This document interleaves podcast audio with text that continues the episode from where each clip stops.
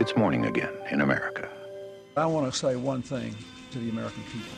For me, a few hours ago, Mr. this Speaker, campaign came to an end. President of the United States. I will not make age an issue of this campaign. Senator, you're no Jack Kennedy. You're likable enough. How's that coaching stuff working out for you? Hei, Henrik her. Jeg tenkte å gi en liten oppdatering på hva som skjer fremover med Norges største, beste og eneste podkast om amerikansk politikk. I tillegg tenkte jeg å snakke litt om hva som foregår med den mulige omtellinga av stemmene i noen nøkkelstater, og gi mine tanker der. Og til slutt så har vi også en konkurranse hvor vinneren kan få valget mellom en Bernie og en Trump-sticker. Sjekk artikkelen på amerikanskpolitikk.no for bilder av de offisielle klistremerkene. De er store og fine, og er veldig kule suvenirer fra årets valgkamp. For vår del så tar vi nå en pause fra podkasting. Med Are sin intense bokskriving så er vi ikke tilbake før i midten av desember, og vi vil da komme med en ny episode før jul. Det er selvfølgelig litt kjipt at vi tar en pause akkurat nå, men rundt jul og nyttår så skal vi være knallhardt tilbake. Regelmessige episoder vil på sitt hyppigste komme annenhver uke, men med forbehold om at vi planlegger en del spesialer. I januar kommer en hel episode som vil være et eneste stort tilbakeblikk på valgkampen 2016, mens vi også kommer til å se tilbake på Obamas tid i Det hvite hus. Der håper vi forhåpentligvis på å gjøre over flere episoder, også sammen med relevante gjester som kan gi enda litt mer innsikt. Men som sagt så tenkte jeg å oppdatere dere på hva som er greia med hashtaggen recount2016.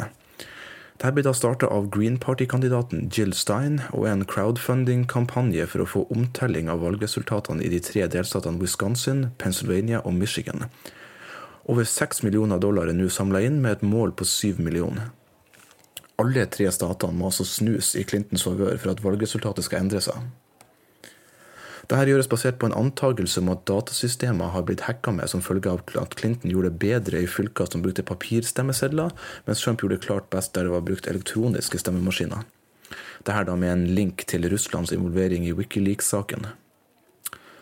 Påstandene er ikke basert på noen ekstraordinære funn i disse delstatene, og er fullstendig absurd av en rekke grunner.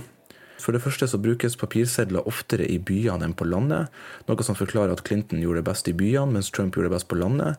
I tillegg så bruker en av statene hun vil ha omtelling i, Michigan, kun papirstemmesedler. Trumps seier her skulle man tro motbeviste hele argumentet. Det vitenskapelige belegget for denne omtellinga har også da blitt revet i stykker på Twitter av Nate Silver og Nate Cohn, mennene bak modellene til 538 og The Upshot. Stein har også økt antallet hun vil samle inn, fra 2,5 millioner til 7 millioner. Hva skyldes denne økninga, som mistenkelig nok kom kort tid etter at aksjonen tok fyr?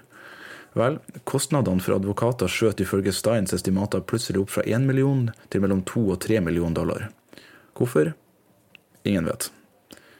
Hva skal de med resten av pengene lagt inn i økninga? Hvem vet. Pengene er heller ikke garantert til å gå til omtelling, da selve omtellinga ikke kan garanteres. Et eventuelt overskudd skal gå til uspesifiserte election integrity efforts, og her kan du kanskje se armene mine som skyter i været med sarkastiske hermetegn helt fra ditt eget hus. Som 538 har poengtert, har det kun vært 27 omtellinger på delstatsnivå siden 2000. Snittsvingninga i de her 27 tilfellene var på 282 stemmer, mens den største endringa kom mellom Gore og Bush i Florida i 2000, da Gore tok innpå med 1247 stemmer, men fortsatt tapte med over 500. Hvordan skal Clinton ta inn 11 000 stemmer i Michigan, 22 000 i Wisconsin og 68 000 i Pennsylvania? Det er uvisst.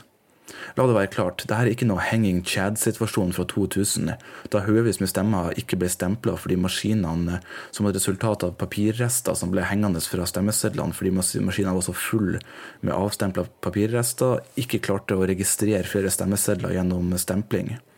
Det er heller ikke et tilfelle hvor hundrevis av velgere eller kanskje mer, kom ut av stemmelokalene uten å vite hvem de hadde stemt på, som med Al Gore og Pat Buchanan i Palm Beach County som et resultat av den berykta Butterfly-balloten i 2000. Det er Jill Stein og Green Party som utnytta nedslåtte demokrater ved å markedsføre eget parti. I verste fall så er det en svindel for å få fylt opp egen klubbkasse. Det sykeste her er at Clinton-kampanjene, som først holdt seg unna, nå har blitt med på omtellinga i Wisconsin. De vil da stille med representanter som observerer situasjonen på bakkenivå, samt sende inn advokater dersom nødvendig, og de er også klare til å gjøre det samme i Pennsylvania og Michigan, dersom det skulle bli omtelling der òg. Til og med Stein selv har kritisert Clinton på Twitter for plutselig å ville delta i omtellinga. Rart at Clinton vil delta på en omtelling etter å ha innrømt nederlag, skriver hun. Man kan ikke være uenig. Samtidig er det rart at Stein, som brukte hele høsten på å tweete om hvor forferdelig Hillary Clinton er, nå vil ha omtelling i akkurat de statene Clinton trenger for å ta valgseieren. Ikke akkurat den type tjeneste man ser for seg å gjøre mot noen man har kalt korrupt og sagt vil starte tredje verdenskrig. Problemet er nå også at Trump har gått helt maniac på Twitter. Sjokk. Der sier han at han eh, ville vunnet flest stemmer dersom han fjerna de flere millioner ulovlige stemmene Trump ligger i pratende stund bak med over 2,2 millioner stemmer. Han sier også at det var grovt valgfusk i Virginia, New Hampshire og California. Alt dette er selvfølgelig 100% uten belegg. Og det er jo rart hvordan det var så mange ugyldige stemmer i California, samtidig som alle 14 republikanerne i huset derifra ble gjenvalgt. Man kan vel egentlig bare forestille seg hva han hadde sagt dersom han hadde tapt valget. Respekten for valgresultatet går altså bare så så langt for begge kandidatene. Det var i hvert fall mine tanker om denne omtellinga. I Wisconsin så er de ferdige å telle 13.12., mens fristen for å tvinge en omtelling nå er på mandag i Pennsylvania og onsdag 30. i Michigan, så stay tuned. Vi gikk tilbake for etter alt det her støvet har lagt seg, så det var greit å få det ut nå. Mellomtida så har vi da en liten konkurranse som jeg hinta til, gående under denne pausen. Det har vært uendelig med spekulasjoner rundt Trumps kabinett, og da spesielt posten som utenriksminister. Vi vil at dere skal sende inn hvem dere tror Trump velger til nettopp denne posten, til ampolkast.ampol.no. Vinneren får som sagt valget mellom en Trump eller en Bernie-sticker. De er da større enn man skulle tro, og vil ta seg veldig fint ut på baksida av PC-en din, eller eventuelt et annet sted. Svaret sendes altså, altså til ampolkast.ampol.no. Kun ett svar per person, så trekker vi ut vinneren blant alle som fikk rett. Vi minner selvfølgelig også om at Are sin bok 'Sirkuset Clinton, Trump og tidenes valgkamp' fortsatt kan forhåndsbestilles på ampol.no kjøp boka. Hvis du forhåndsbestiller, så får du boka for kun 199 norske riksdaler.